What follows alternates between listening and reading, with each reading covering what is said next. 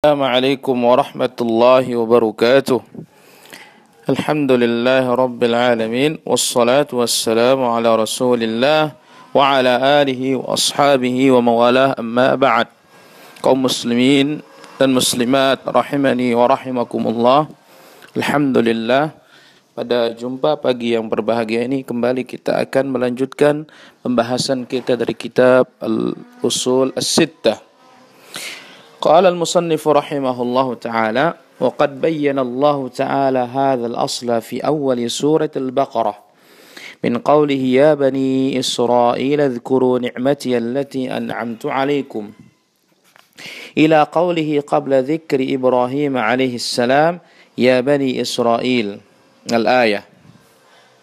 المصنف رحمه الله تعالى mengatakan masih pada al-asl rabi' penjelasan tentang ilmu dan ulama dan orang-orang menyerupai para ulama padahal bukan ulama. Beliau mengatakan Allah telah menjelaskan prinsip dan dasar ini. Dan pokok ini di awal suratul baqarah mulai dari firman Allah yang artinya wahai bani Israel ingatlah nikmatku yang telah aku berikan atas kalian.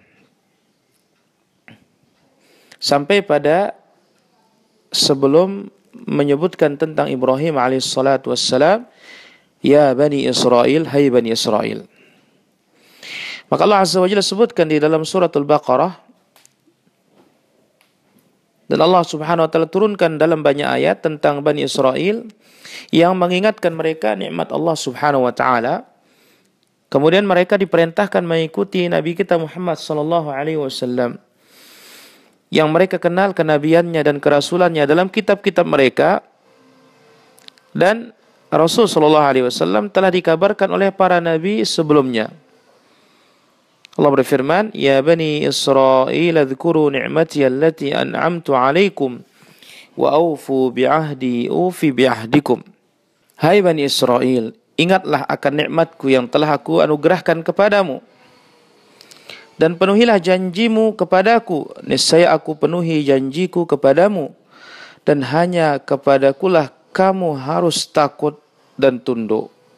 Kemudian Allah Subhanahu wa taala tutup dengan firman-Nya ya bani Israil adzkuru ni'mati allati an'amtu 'alaikum wa anni faddaltukum 'alal 'alamin. Hai bani Israil ingatlah akan nikmatku yang telah aku anugerahkan kepadamu dan aku telah melebihkan kamu atas segala umat. Wattaqu yawman la tajzi nafsun an nafsin syai'a wa la yuqbalu minha 'adlun wa la tanfa'uha syafa'atun wa lahum yunsarun.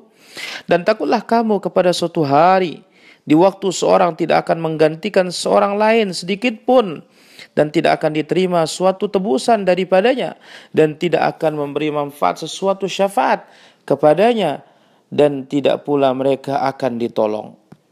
Kemudian Allah Subhanahu wa taala menyebutkan tentang Ibrahim alaihi salatu wassalam dalam firman-Nya wa idzibtala Ibrahim rabbuhu bikalimatin. Ketika Allah Subhanahu wa taala menguji Nabi Ibrahim dengan beberapa kalimat perintah dan larangan. Seluruh ayat-ayat ini dari ayat yang pertama sampai ayat yang terakhir, ayat yang sangat banyak semuanya berbicara tentang Bani Israel yang mengingatkan mereka akan nikmat Allah Azza wa Jalla dengan dikirimnya para rasul dan diturunkannya kitab-kitab. Maka kewajiban bagi mereka untuk beriman kepada Rasul kita, Nabi kita Muhammad sallallahu alaihi wasallam. Dan Bani Israel adalah mereka anak-anaknya Yakub. Dan Israel itu adalah Yakub. Maka di sini perlu diingat tidak boleh seorang mencela orang-orang Yahudi dengan menggunakan Israel. Seharusnya dia katakan Yahud atau Zionis.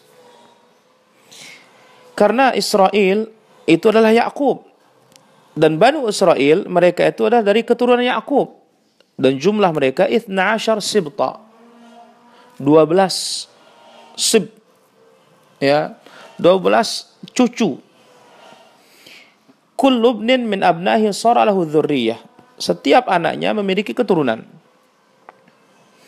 Dan seketurunan itu dikatakan sib. Ya. Dan sib ini kalau diistilahkan sama seperti kabilah seperti yang ada pada orang-orang Arab. Lalu Allah Azza wa Jalla sebutkan